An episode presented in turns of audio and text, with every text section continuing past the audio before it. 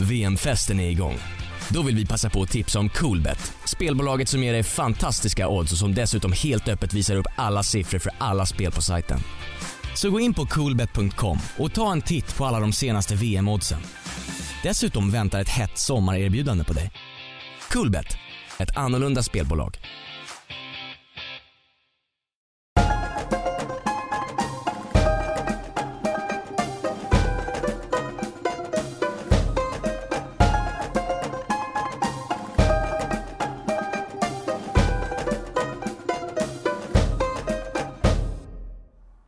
Säger vi god afton eller god morgon eller god eftermiddag beroende på när man lyssnar på detta. Eh, vi sparkar igång direkt så att vi sätter våra rutiner. Var är vi någonstans Johan? Vi är fortfarande kvar på Balkinskaya.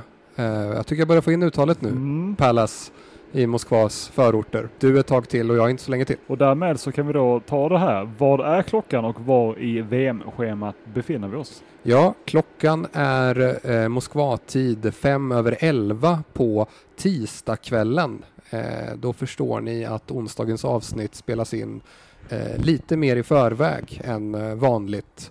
Och eh, i VM-schemat befinner vi oss som sådant att Argentina har precis krånglat sig vidare till åttondelsfinal efter 2-1 mot Nigeria tillsammans med Kroatien då i den gruppen. Mm. Och eh, på eh, schemat idag står ju framförallt Sveriges match. Ja, Brasilien, Serbien. Ja, det kan vi återkomma till.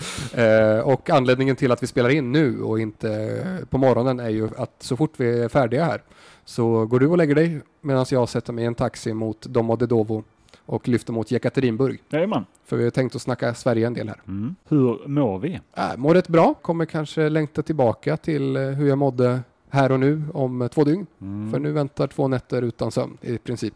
Mm. Men nu är det bra. Ja. Har vi sett några fler Fifa Legends? Ja, jag har gjort det i alla fall. Eh, på Danmark-Frankrike. Jag vi- missade dem. Jag vet inte vad som hände där. Ja, då kan jag säga som så. När vi först började prata om dessa Fifa Legends, som alltså är Fifas officiella Legends, det kryllar ju av eh, gamla storspelare här som jobbar kanske för medieföretag eller som bara är här i publiken, men de som officiellt står på planen före matcherna och eh, visar upp sig. Vem sa jag allra första gången är den, det är knappt spelbart odds på att han kommer dyka upp som en Fifa Legend under turneringen. Emmanuel Petit. Nej, jag sa först en annan fransman. Eh, Christian Carembeu. Karambö. världsmästare med Frankrike 98, spelade kanske ingen avgörande roll, men som alltid dyker upp i sådana här sammanhang. Och där står han idag. Eh, men han överglänstes kanske i Legends väg av Danmarks Fifa Legend som var Mikael Laudrup. Ja, det var det. Mm. Inte då John Faxe Jensen som vi också såg på området. Ja. Han stod omringad av fans utanför arenan. Eh, god och glad. Så Ja, när de fick syn på honom så Hej Faxe! Hej Faxe! En åtsittande dansk eh, DBO-tröja. Ja, han verkade vara på gott humör efter Mm. att Danmark hade gått vidare då. Vad tror vi att Granen gör just nu? Ja, just nu är ju lurigt, för när vi spelar in det här så hoppas vi att han sover kanske. Mm. Eh, och speciellt eftersom han är i Jekaterinburg som ligger två timmar före Moskva. Klockan där är ett. Så förhoppningsvis sover han, men det är inte helt omöjligt att han ligger i tvinnade lakan Mm. och eh, är nervös. Vi ska addera ytterligare en liten sak här. Vi har ju tappat bort det, dagens ryss som vi inledde med. Vi har fått ett par mejl om detta. Att de trodde att det skulle kunna bli ett roligt segment. Vi har helt tappat bort det sen kanske det första avsnittet. Jag vet inte när vi sa det. Nej, det är inte det enda vi har tappat Men bort. jag skulle säga att dagens ryss är han som är lite boss här på vårt hotell. En väldigt biffig eh, ryss. Ja, Oerhört snäll. snäll.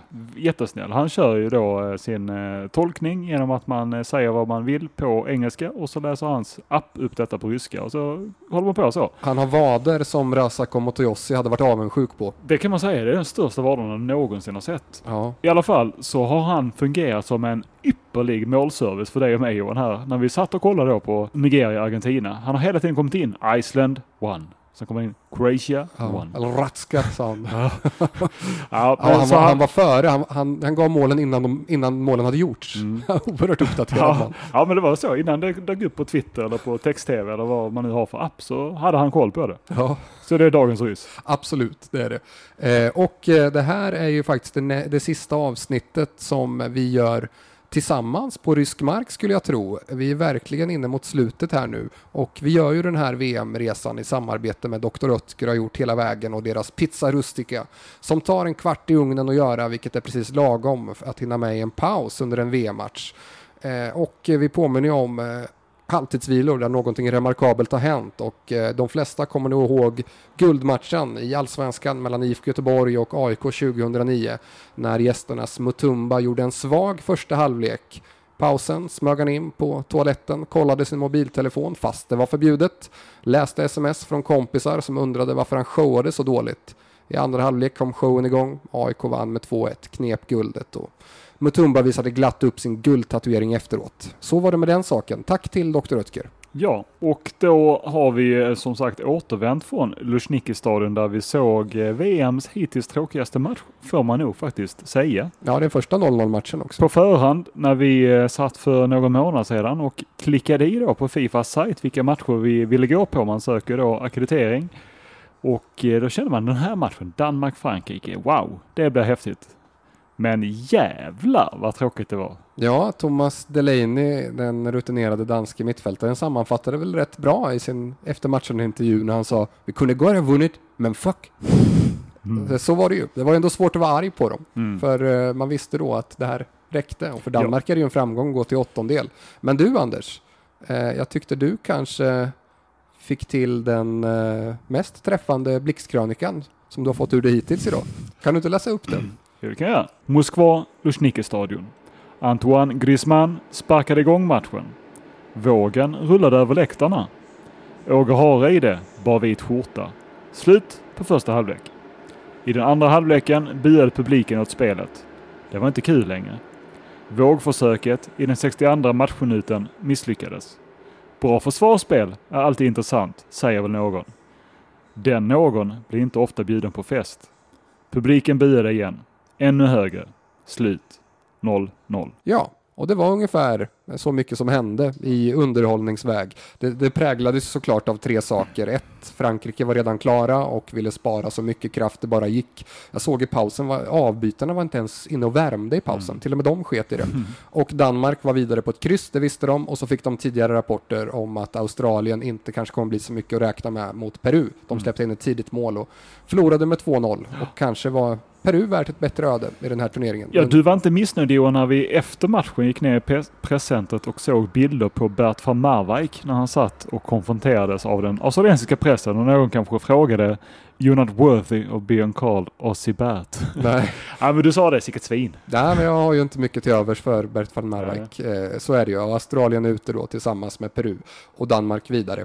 Jag tänkte på det, kanske ändå, det är någon form av karaktärstest. Man kunde ju tycka lite synd om kanske enstaka supportrar som har valt just den här matchen och har biljett till tänker just om man är fransman eller fransyska. Ja. Eller om man är från ett annat land. Det, det, ska man ju veta. Det är väldigt många som inte är för de två länder som möts i VMs gruppspel som får biljetter. Framförallt är det väldigt många ryssar på plats på mm. alla matcher och de kan mycket väl vara klädda i något av lagens tröjor vilket gör att man blir lite lurad av att det kanske är mer fans på plats från de olika länderna än vad det är.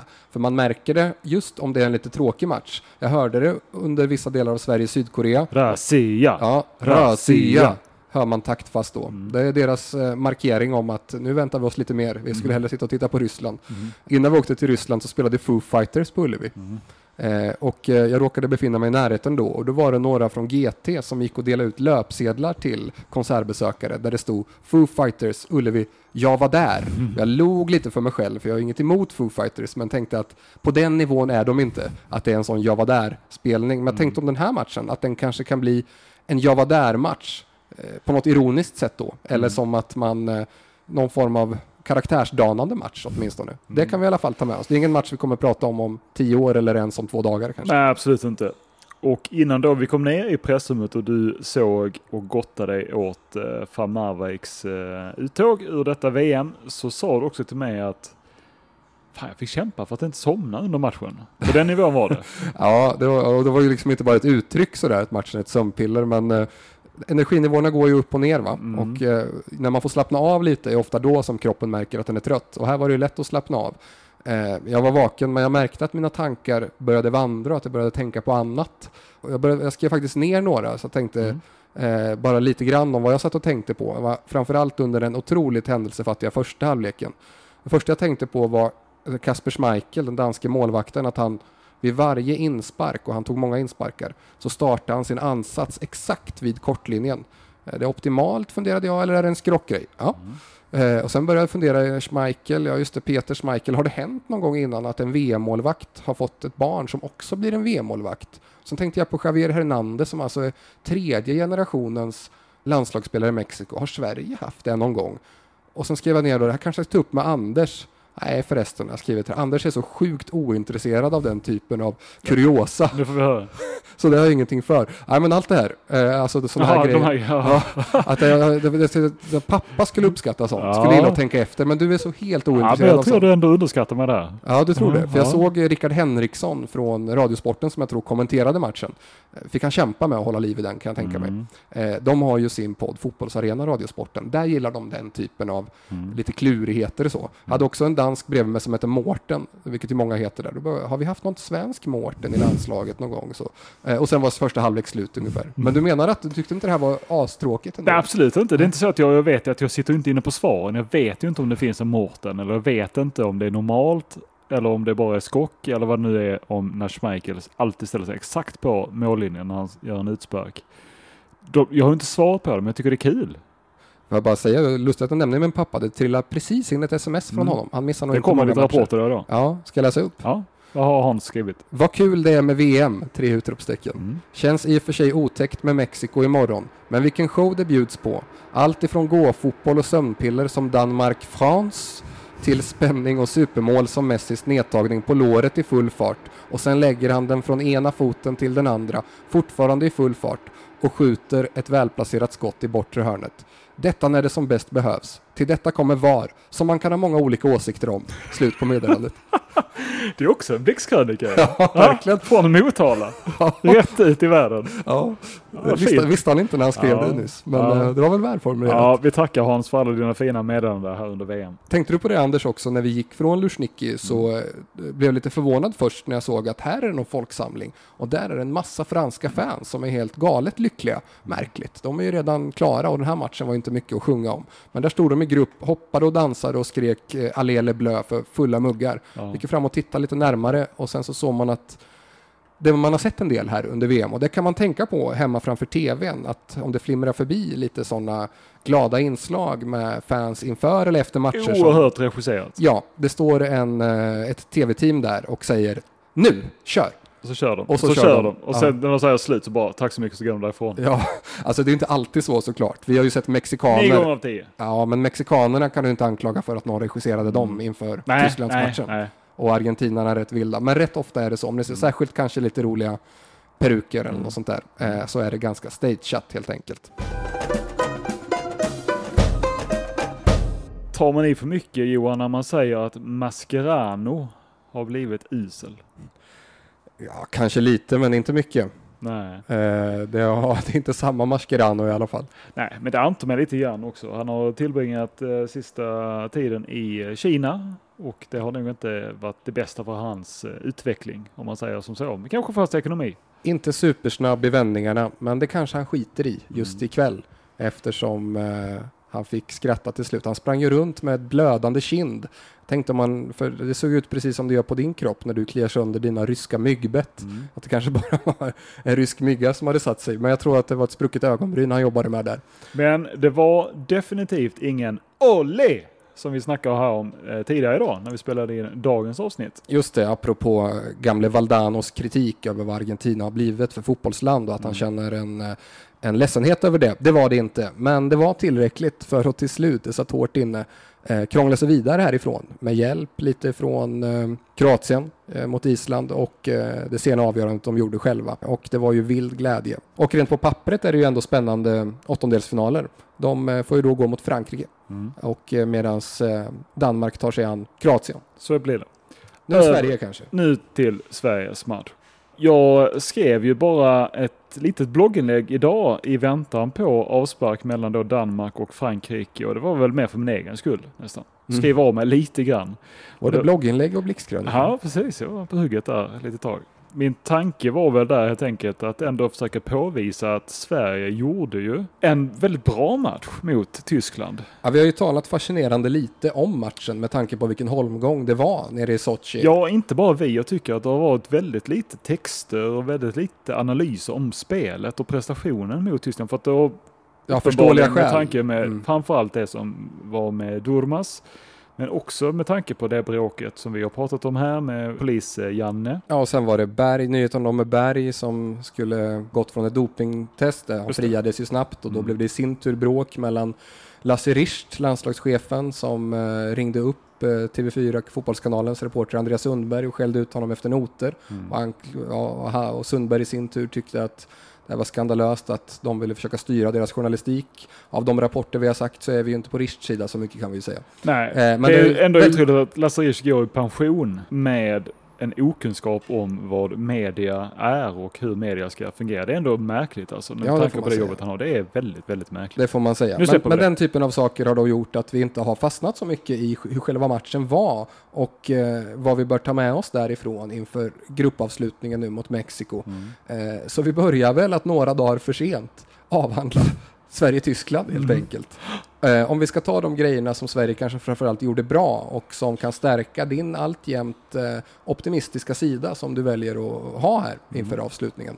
Vad såg du i Sveriges spel mot Tyskland eh, och kanske eventuellt mot Sydkorea som gör att du tror på detta? Väldigt bra försvarsspel. Men det får man ju knappt rätt för på matteprovet om man säger det med tanke på det Sverige som har sett sen Jan Andersson tog över. Men Och och det gäller väl, ska vi säga också, det är inte en backlinje vi pratar om. Man kan, Hela hack, laget. man kan hacka lite på Berg att han borde gjort något mål och så, men det är inte alla forwards i det här VMet som kanske får lägga så mycket Nej. defensivt slit. Nej, det börjar där uppe helt enkelt. Men det går rakt igenom och Sebastian Larsson och Albin Ekdal gjorde Ja, i princip en felfri match skulle jag säga. Eh, Albin Ekdal kanske den, ja, Noah Bachmann var väl inne på det. ja, jag tyckte inte riktigt samma sak. Ja, jag tyckte att han var Men, väldigt bra. Sebastian tyckte. Larsson Mm. tyckte jag var väldigt bra. Han vann oerhört många närkamper. Jag tror att han sprang, kom fram lite statistik på det, att han sprang så himla mycket mer än någon annan tysk på eh, motsvarande position då på mittfält och så. Och jag tycker att eh, Augustinsson, Men ska vi, nu håller du på att räkna upp en massa. Ja, här. Ska vi ja, till och med ja. göra så att vi, för vi, vi har ju, såvida ingenting oförutsett händer, så tror vi ju, och det gör väl de flesta, på samma startelva mot Mexiko som spelare mot Tyskland. Det vill säga Robin Olsen, Micke Lustig, Victor Nilsson Lindelöf, Andreas Granqvist, Ludvig Augustinsson, Emil Forsberg, Albin Ekdal, Sebastian Larsson, Viktor Claesson, Marcus Berg och Ola Toivonen. Vi kanske bara helt enkelt ska gå igenom dem, namn för namn, Mm. och eh, deras prestationer hittills. då räknar vi in Sydkorea också. Ja, det tycker jag vi får göra. Mm. Robin Olsen då. Robin Olsson får ju eh, nästan högsta betyg. Han har ju inte gjort bort sig förutom då i 94 minuten skulle jag säga med hans murning. Ja, gjorde han bort sig? Är det rätt uttryck? Ja, men det är tabloid där också då. Ja, Men visst, det är lite kanske för mycket eh, överdrivet där. Men jag, jag har lite svårt att se hur man ställer bara en eh, tvåmannamur. Jag skulle nog ställa kanske någon till. nu är du väldigt förtjust Sebastian Larsson. Man kan ju invända hur han väljer att mura också och kasta sig upp med ryggen före. Ja, absolut. Det, det, det är inte heller fläckfritt från honom. Men eh, det är den, den lilla, lilla eh, grejen som eh, gör att Robin Olsen inte... Ja, annars hade han varit fläckfri, ska jag Ja, säga. inge, inte jättemycket att göra mot Sydkorea, men det som var var jättestabilt. Mot Tyskland, eh, flera bra räddningar, inte minst på Gomes nick. Ja. Och eh, styrde försvaret jättebra. Jättemånga sådana farliga inspel som tyskarna hade. Mm. Ett av de som gjorde mål på. Kunde inte göra något på Roys mål. Sen har vi då eh, där vi kan diskutera lite eh, på Kroos mål däremot. Men som helhetsbetyg starkt. En fyra kanske. Fyra. Då får du ta Micke Lustig. Ja, Micke Lustig eh, tycker jag också har varit stabil. Eh, mot eh, Sydkorea hade man kanske önskat lite mer i offensiven, men hela Sverige var ju eh, lite försiktigt i den matchen. Tyskland fick han ju ett riktigt test och det tycker jag han klarar av bra. Eh, och han hade ju också Son emot sig rätt mycket mot Sydkorea som gjorde en blek match. Eh, han var uppe några gånger och eh, slog väl några inlägg som inte var de allra bästa, men alltså överlag Eh, det är ju ett helt annat motstånd än vad han möter i skotska ligan. Eh, Så tycker jag att han har gjort det jättestarkt också. Mm. Eh, Jag snuddar nog på en fyra där, men Mm. så får du korrigera mig om du vill. Ja, men jag håller med. Vigge. Ja, Victor Nilsson Lindelöf har ju bara gjort en match då och eh, man märkte honom inte mycket och eh, det är ju... Det är som vi säger om mittbackar. ja, ja, men de två är det ju en som märks. Mm. Och det är ofta inte Vigge. Men när man märkte honom så gjorde han bara bra ifrån Mm. sig. Och när man inte märkte honom så är det också ett gott betyg. Han, alltså han gjorde i princip en fläckfri match mot eh, Tyskland, vad Mm. jag kunde se. Men inga kommentarer från Viktor. Nej, jag fick ett mejl precis innan vi spelade in från eh, en som skrev att han var en ny prenumerant. Och det blev vi ju glada över. Mm. Vi hoppas ju att eh, ni som gillar att lyssna på oss då och då och inte har testat att läsa även vill, eh, vill försöka det. Mm. och, och helt enkelt eh, börja läsa offside. Och får ni också tillgång till VM-rapporterna i skriven form här och sen till alla våra nummer som vi gör. Han var ganska ny, Samuel hette han, eh, och lyssnade på podden och han hade noterat då detta från Ryssland att Nilsson Lindelöf inte, som det heter, vill göra media. Mm. Det vill säga han, han vill slippa undan det. Och då undrade han hur pass arg man skulle vara över detta. Eh, och eh, vilka krav man ska kunna ha. Han visste tydligen inte själv och ville att vi skulle reda ut det åt honom. Det är lite upp till var och en att bedöma kan jag ju känna. Personligen så gör det mig ingenting. För när eh, Victor Nilsson Lindelöf väl har ställt sig och pratat så eh, har det ju inte sagt speciellt mycket. Och det, hans, det som sägs eh, glömmer man bort i nästa sekund. Mm. Så mig gör det ju ingenting. Nej. Det är om man skulle kunna ta någon diskussion om representantsroll, men jag har svårt att se det faktiskt. Det skulle bli ett problem om många började göra så. Men vill en verkligen, verkligen inte så tycker jag det får vara så. Ja, precis. Den- kvalar ju nästan in i fotbollsfilosofiska rummet. Hur skulle Den de frågan. tagit sig an? Ja, jag vet att det, det är för en annan dag. Ja. Men han får ju ett högt betyg för sin insats mot eh, Tyskland. ja, det får han. Eh, jag är nästan uppe och snuddar på en femma där, men i och med två mål är det en fyra. Vi, kanske. vi är generösa med betygen. Ja, men du nämnde ju just försvarsspelet som Mm. har varit. Ja, men det blev väl en Och så fyra. kommer vi till granen då. Ja, Granen är lite lurig. Om man, han var väl den som stod ut mest på olika sätt i första matchen mot Sydkorea. Gjorde ju målet då på straff och han var den som när det var försiktigt som eh, ja, tog tag i det i bäst, brist på bättre uttryck. Men han startade ju två anfall, han bara drev upp bollen. När de stod lågt och det inte hände så mycket där uppe så drev han upp den istället för det fanns det utrymme för. Det, han och sätter den avgörande straffen då. Ja det gör han. Han gjorde några misstag också. En gång när han själv älgade tillbaks och råkade få den på hälen och en gång när Pontus Jansson räddade honom. Mm. Jag kan ju nästan köpa det med honom när han spelar med de riskerna han gör. Att ibland så får det kanske bli så. Och det är också viktigt tror jag, den typen av signaler som han skickar. Han sa själv att han har varit jättenervös men han utstrålar inte det. Och han utstrålar lite grann av det här som fotbollsälskaren Simon Tern efterlyser. Att man ska också gå ut och spela lite. Mm. Nog för att vi ska jobba stenhårt och vara jävligt allvarliga.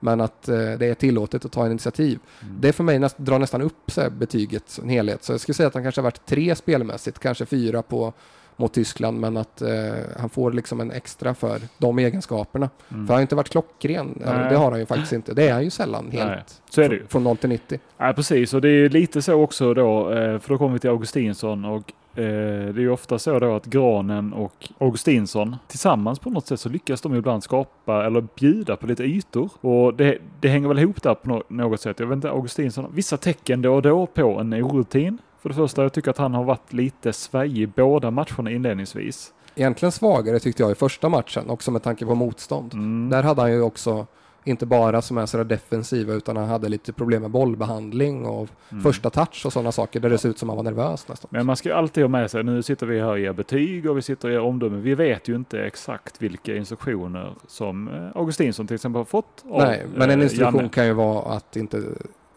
att, att ta emot bollen utan att den sticker iväg. Det borde vara icke. Nej, men det var ju några saker i första som vem som helst kunde se. Ja, Att det- precis. ja.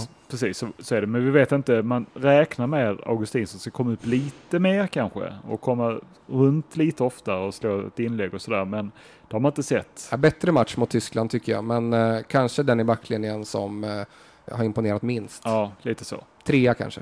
Ja. Forsberg kommer vi till då. Ja, Emil Forsberg. Här måste jag bara innan vi går in på eventuellt betyg och prestation att lite märkligt ah, hur han har målats ut ändå kan jag tycka som eh, vår store frälsare. Eh, han eh, hade ju en jättefin säsong då, i, eller dels kanske hans första, men framförallt hans första Bundesliga-säsong med Leipzig och sen en lite svagare i år. Jag tycker inte riktigt det motiverar de här typen av krönikor som har varit att ska vi ha någon chans måste vår största stjärna komma igång. Vi har sagt det också här kanske att han är vår bästa på pappret, men blivit lite en bild av honom som att han skulle vara på, inte Zlatan-nivå, men kanske på Ljungberg-nivå när han var eh, som bäst. Att, eh, liksom nästan lite orimliga, så mycket har han inte gjort i landslagsväg tycker jag, för att liksom, man ska ställa riktigt de kraven på honom. Nej, definitivt inte i landslagsväg. Eh, klubblags, alltså Han har ju gjort bra prestationer i landslaget och Ja. frisparken där mot Frankrike och sådär, absolut. Men det nästan jag kände det inför redan, liksom att fan, den här, hur man höjer upp honom nu Mm. motiverar inte riktigt ändå det han har gjort. Han är kanske vår bästa spelare, jag håller med om det. Men inte liksom, nu vill man nästan få det till att ett jättelångt hack till nästa, till den näst bästa som, som det var förr. Nej, och det är ju lite ändå det, man vet ju ändå, alltså den för, förra säsongen i Bundesliga, när han var så himla bra. Kan han bara liksom hitta upp till den nivån i en match som mot Mexiko till exempel, en eller två gånger och göra det där, lyckas med de där dragningarna som han har försökt någon gång när han har tappat ut bollen så att det blivit hörna eller att han har tappat första touchen, precis som Augustin har gjort lite för många gånger. Han har haft några fina aktioner så. Han hade en tidig, det var egentligen första gången Sverige gjorde något bra mot Tyskland efter en jätte, jättejobbig start. Så vänder han upp jättesnyggt. Jag minns inte vem det är han vände bort. Och rycker ifrån. Och, I en och samma touch, jättesnyggt, men som rann det lite ut i sanden. Så man känner det finns där, mm. men det har inte riktigt lossnat. Och sen kanske i mån av att verkligen vilja visa så har det ibland blivit, det har varit några gånger där det har varit lätt att slå en enkel pass till en som har bättre läge och sådär, när han inte riktigt har gjort det. Svag trea. Eh, ja, då är vi nästan snälla, tycker jag. Mm. Albin Ekdal var vi kanske inte helt överens om då mot Tyskland. Jag tyckte absolut han gjorde bra match, men du tyckte han var fläckfri. Ah, sa jag det? Ja, han och Sebastian Larsson Ja. som du gillar så mycket. Mm. Eh, jag vet inte exakt vad du sa. Jag tyckte också han var bra. Eh, han utmärkte sig inte supermycket mot Sydkorea eh, och det som han är bra på och som han erbjuder som alternativ som inte så många andra svenska mittfältare gör tycker jag är att han både är en bra passningsspelare men att han också kan transportera boll när det behövs och kliva fram med den. Det såg jag inte så mycket mot Sydkorea där det fanns möjligheter att göra det så som Granen gjorde som också kan öppna upp positioner och så. Mot Tyskland kom ju inte riktigt med sådana krav. Där, där tyckte jag ju också han gjorde en stark match. Absolut. Ja, nu vet jag inte om det är för att det inte är fler spelare än han och Sebastian Larsson centralt, men det jag tycker mot Tyskland var att jag tänkte rätt mycket på det. Jag, den blixtkrönika som jag var på väg att skriva eh, började fokusera rätt mycket på Albin. Och det var just att han är den spelaren, det var rätt uppenbart om man tänker på det under en match om man sitter på plats. Han vill alltid ha bollen, hela, hela, hela, hela tiden. Ja, det är viktigt, Ja, särskilt mot... Medan vissa andra står antingen står de liksom i positioner där de inte kan få bollen eller att de tar fel löpning. Man ser det nästan redan innan från det perspektiv som vi har. Det ser kanske inte spelarna på samma sätt. Men han ville hela tiden ha den och han fick den rätt ofta. Sen så gör han ju ibland en väldigt enkel tillbakapassning till granen eller sådär. Men hela tiden Ja, ja, men det, det är faktiskt en bra poäng, för det är viktigt och särskilt i... Nu är det som att vi är två taktiker här Ja, som men sitter jag gillar pratar. detta Johan. Det Men är inte vi- ofta vi går in i den här rollen. Låt oss ta på den Ja, kepsen. nu är det ju ändå Ja, stormatch fan. på gång. Eh, när jag skulle säga där med var att eh, vi såg ju Åge Hareide förut idag och jag vet att han i tillfällen har han har pratat om eh, det han gjorde med Malmö FF och hur de lyckades ta sig in i Champions League när de spelade mot lag som eh, kanske var bättre än dem på pappret och även i gruppspelet framför allt. Så nämnde han framför allt eh, Adu väldigt ofta, just ofta med den motiveringen och Rosenberg har varit inne på det också, Mm. att eh, det är lätt att man mot lite bättre motstånd inte vill vara den som går och möter boll hela tiden. Men det är så oerhört viktigt att ha någon sån för han kunde klara av, då fick de vila lite med boll ibland och så.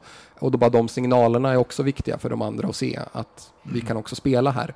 Eh, Så oavsett om man gör någonting enkelt ibland eller något svårare ibland så bara är det initiativförmågan värt någonting i sig. Mm. Sebastian Larsson. Ja, tagit sitt, och det handlar ju din text rätt mycket om i vårt VM-nummer eh, om eh, vilken konstig väg det ändå var från, eh, kanske inte hackkyckling för mycket sagt, men ingen favorit bland supportrar och folk framför tvn. Och han eh, är inte med då när kvalet drar igång och ingen direkt tänker på att Åh, jag längtar till Sebastian Larsson blir frisk så han kan gå in och styra upp det här. Det fanns liksom ingen sån opinion. Eh, och kommer in en bit under kvalet och blir snabbt nästan tillsammans med Granen Jan Anderssons favoritspelare. Eh, och är nu här som, kanske inte mittfältsdirigent, men mittfältsmotor och i någon mån eh, ledargestalt också. Och den rollen har han klarat jättebra. Har inte mycket att klaga på. Jag- Förutom eventuellt muren. Just det. Viktor Claesson då skulle jag säga är ändå det, eh, vi var väl berörde kanske det häromdagen här i podden, ville minnas ändå, men Han är nog den som har infriat de förväntningarna som man har haft utifrån vad Mikael Wagner har rapporterat från Krasnodar. Det är då han som var lite ensamrätt på de där rapporterna. Ja. Eh, Men man har förstått att han har gjort en väldigt bra säsong i Krasnodar. Man har sett ibland små giffar, eller vad det heter, på hans eh, läckra mål och så. Men man har Det var någon gång när du sa Vine och någon sa det var länge sedan det var Vine. Lägg ägg alltså. Eh, Men man har inte riktigt sett honom i action. Och man har inte riktigt fattat om han är the real deal. Men Tycker du det nu? Han var ju lite, som du uttryckte det, min gubbe inför. Den som Mm. jag hoppades mycket på. ja, jag tycker liksom man ser assisten som han gör till Toivonen, där Toivonen tar ner på brösten och sen gör en snygg liten variant av Kenneth Anderssons mål mot Brasilien i 94. En liten nätt tå över Neuer i detta fallet.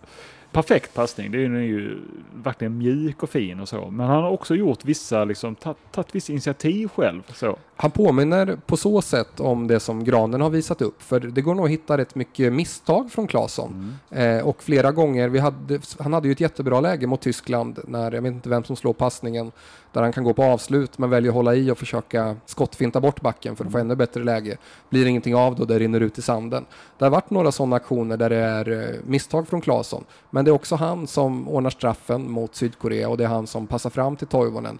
Känslan är att, att han vill att det ska hända någonting när han får bollen. Ja. Och, och då, då, det är lite samma som med Granen, då, då köper jag lite att det blir fel ibland. Precis, och då om man ska göra en liten parallell då, eller en liten koppling till eh, fotbollsälskaren Simon Tern. Som är, de är ju barndomsvänner då, har vuxit upp tillsammans i eh, Värnamo. Tävlade i allt. Tävlade i allt. Pingis. Och jag kan tycka det, precis det som Tern efterlyser. Gå ut och ha kul. Jag tror att Viktor Claesson, av alla de som har spelat för Sverige i det här VMet, så känns det som att Viktor Claesson är den som tycker det är roligast. Jag tycker man ser det lite på honom. Ja, och att det vittnar också om, för han, han ser ju väldigt alldaglig ut och det ser nästan, om man skulle vara så här fördomsprofil, så skulle man tänka den här killen kommer kanske knäckas lite av att vara på den största scenen inför miljonpublik. Eh, men att han just, när han faktiskt har misslyckats några gånger, eh, fortsätter att söka de här kanske lite svårare alternativen, de som ändå kan öppna upp och innebära målchanser, eh, vittnar också om att han är eh, rätt cool. Mm. Så, eh, så det, det drar också upp det för mig. Han är väl uppe på en fyra eller någonting. Ja, absolut. En stark fyra skulle jag säga. Marcus Berg. Ja, den ena av anfallarna då. Eh, lite lurigt med Marcus Berg. I eh, Sydkorea så hade han ju egentligen Sveriges bästa, för- för- frånsett målen som har gjorts, eh, den absolut bästa målchansen som det inte har blivit mål på. När han i perfekt måltjusläge bara har bollen serverad av Ola Toivonen från väldigt nära håll och lyckas träffa målvakten istället. Eh, och sen hade han en eh, nick som Neuer gjorde en bra räddning på. Den var svårare att klaga på för det är en bra nick av Berg. Det är så uppenbart. Friläget har han också där han första touchen blir lite för lång. Ja, och, och, är det Boateng som hinner ikapp honom. ja, precis där han då Berg vill ha straff eh, Mm. efteråt. Kanske skulle haft, jag vet inte. Men där man också ser kanske att han inte snabbast i, i VM. Eh, Samtidigt då som det vi pratade om i början att eh, få lägga ner ett oerhört defensivt slit. Mm. Vilket gör att han kanske sällan är i sin ideala, gissar att han inte är i samma position som han är när han spelar till vardags i eh, Förenade Arabemiraten och i laget där. Men det är så uppenbart att man känner att eh, han behöver ett mål. Eh, och han får ju en del kritik för att han missar, men han var ju Jannes goalgetter i hela kvalet det. egentligen. Ja. Eh, så ja, arbetsinsatsen förlåter en del. Vi hade ju önskat ett mål såklart. Det drar det väl, drar det väl ner något. Det finns mer att ta av där. Ja, det gör det ju verkligen. Och så kommer vi in på hans gamla radarpartner och parhäst ända sedan distriktstiden i Värmland. Eh, Ola Toivonen då Din från Degerfors. ja, det är nog för mycket sagt. Ja, nej, Men- men han, han har ju varit, vi sa ju det, eh, första halvleken mot Sydkorea så kändes det som att rörde han bollen vid, föt- hade han bollen vid fötterna mer än två gånger. I andra halvlek så var det ja, ett par gånger mer kanske, men varje gång som han hade bollen runt sig så var någonting farligt. Visst, du nämnde precis den här superchansen som Marcus Berg missade och vi trodde att sicken framspelning, wow. Det var ju inte riktigt meningen då, det fick du reda på. Ja, jag förstod det som det i alla fall. Ja, precis. Eh, Men sen så gör han målet mot Tyskland, det är ju ett klassmål. Ja, jag var lite orolig där för han, han var ju så trött och byttes ut efter någon timme mot Sydkorea. Då tänkte jag det, det hade ändå inte varit någon anstormning så. Mm. Och då sa han till och med att liksom, han trodde efter uppvärmningen så var han helt slut. Jag tror knappt skulle kunna spela. sa han. Eh, så att han skulle orka, men han, eh, han slet ju bra mot Tyskland och får ju precis som Marcus Berg slita mycket i det som inte har med att själv göra mål att göra. Och det går inte att klaga när man sätter ett sånt mål. Det är ett riktigt bra avslut han får till också. Så är det. Plus att han har det här som eh, är väldigt viktigt kanske när eh, det bara är debutanter på plan i det här VMet. Mm. Att han har det där lite fula i sig. Det får inte gå över gränsen såklart. Men att han är där och eh, stör motståndarna och är jobbig. En sån som man stör sig på. Eh, markerar närvaro. Det har en viss betydelse också. Absolut. Men det vi kan säga är att det är ändå rätt höga betyg vi delar ut här. Det är väldigt få som får underkänt. Ja, det, det är den här Tysklandsmatchen. Prestationen drar ju upp det mycket. Ja, det är ju så. Och det var väl det som vi inledde här med, det som jag bloggade lite grann om idag, är ju ändå känslan av att det här matematiken som jag pratat om, att vi måste dopa den och vi lyckades nästan med det mot Tyskland. Vi bär väl med oss också det som man ändå ska ha med sig in att på pappret är det kanske den svagaste mästerskapstrupp vi har varit med om i alla fall så- som Sverige skickat till mästerskap när, när vi har levt. Så är det Det, det får man ju kanske lite ha med sig Ja. eh, när det blir lite höga Men betyg. jag ska också då ha med sig att det är ju ändå så att Mexiko är ett betydligt sämre lag än vad Tyskland är. Ja, säger du ja. Ja. Det är de. Det, det, ja, Ja, men vi såg ju också matchen Ja, mot Sydkorea. sett, men vi också såg matchen mot Sydkorea. De imponerar definitivt inte där. Du, för det första så såg inte du hela den matchen. Nej, men jag såg Du ändå. var åt Hultmanburgare. Jag såg dig. Jag, jag såg. Jag såg Du såg inte hela den matchen. För den andra så tar du inte in vilken äcklig match det är efter att de gör den här skrällen mot Tyskland. Jag menar inte att Mexiko är ett bättre landslag än Tyskland i stort, men av det jag sett i turneringen så har inte Tyskland imponerat. Fast de gjorde det här sena målet mot Sverige så är det fortfarande inte eh, det Tyskland som ska vinna VM liksom. Nej. Och jag tycker det var en riktigt äcklig match för Mexiko att få Sydkorea. Att efter att de har vält den här och folk börjar titta på dem nu verkligen. En match, nu ska de möta det här lite sämre laget som de verkligen bara måste, måste slå.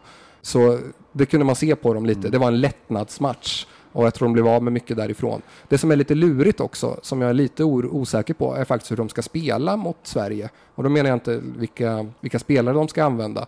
Men Pral, som vi varit inne här på någon gång, som då har scoutat, är kanske lite brydd. För så som de spelar mot Tyskland och eh, kom med sina flygande kontringar och med många spelare.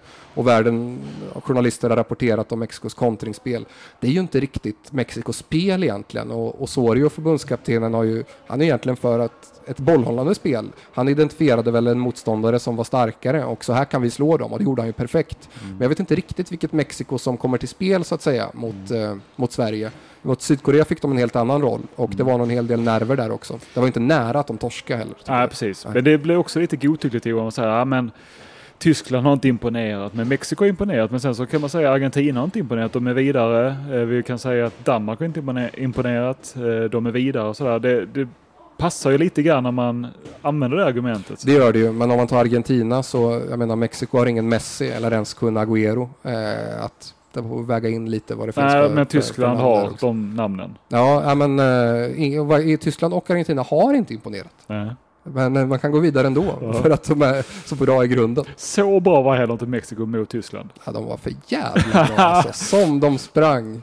Fy fan vad fina Nu, de var. nu är se. det ungefär en eh, halvtimme här till ni ska ta taxi Åh fy mot fan. Ja. Är det så alltså? Hur långt är det kvar tills du ska sova då? Ja, det är inte länge. Nej, jag kan eh, sitta här hur länge som helst. Ja, så är det. Då ska jag packa ihop mina grejer och eh, tänkte faktiskt hinna med att ta en dusch eh, innan eh, man börjar den här, inte skräckdygnen, men eh, lite tuffa dygnen. Mm. Så jag får väl gå och göra dem jag ska hinna helt enkelt. Och därmed så får vi säga tack då. Ja, vi gör det. Ja. Och så hoppas vi då att eh, Mexiko är så dåliga som jag tycker. Jag tycker inte de alls. Jag tycker de har varit jättebra. Men jag tror inte alls att det är omöjligt heller att Sverige ska kunna vinna över dem. Men eh, vi hoppas då att eh, när vi spelar in nästa avsnitt, vilket blir från troligen hemmaplan i Göteborg på torsdag, att vi kan diskutera vilka vi ska möta i åttondelen. Vad kommer du göra eh, under onsdagen här i Moskva som du får helt på egen hand? Jag kommer ju eh, se, förutom då matchen, så ska jag försöka hinna med någon timmes sightseeing Nej, i Moskva. jag ska också försöka blogga lite och jag ska, ja, det är mycket. Jag har inte det härligaste dygnet heller, det ska jag säga dig. Så är det, men då träffas väl vi på eh, Demodedovo flygplats någon gång tidigt, tidigt torsdag morgon Mm. och eh, sammanfatta våra intryck då. Mm. Tack ska ni ha och tack för alla mejl. Det verkar som ni har gillat att lyssna på oss när Mm. tekniken väl har funkat. Eh, vi är jätteglada över det. Nu håller vi en tumme för Sverige och säger godnatt härifrån Balkinskaja. Hej!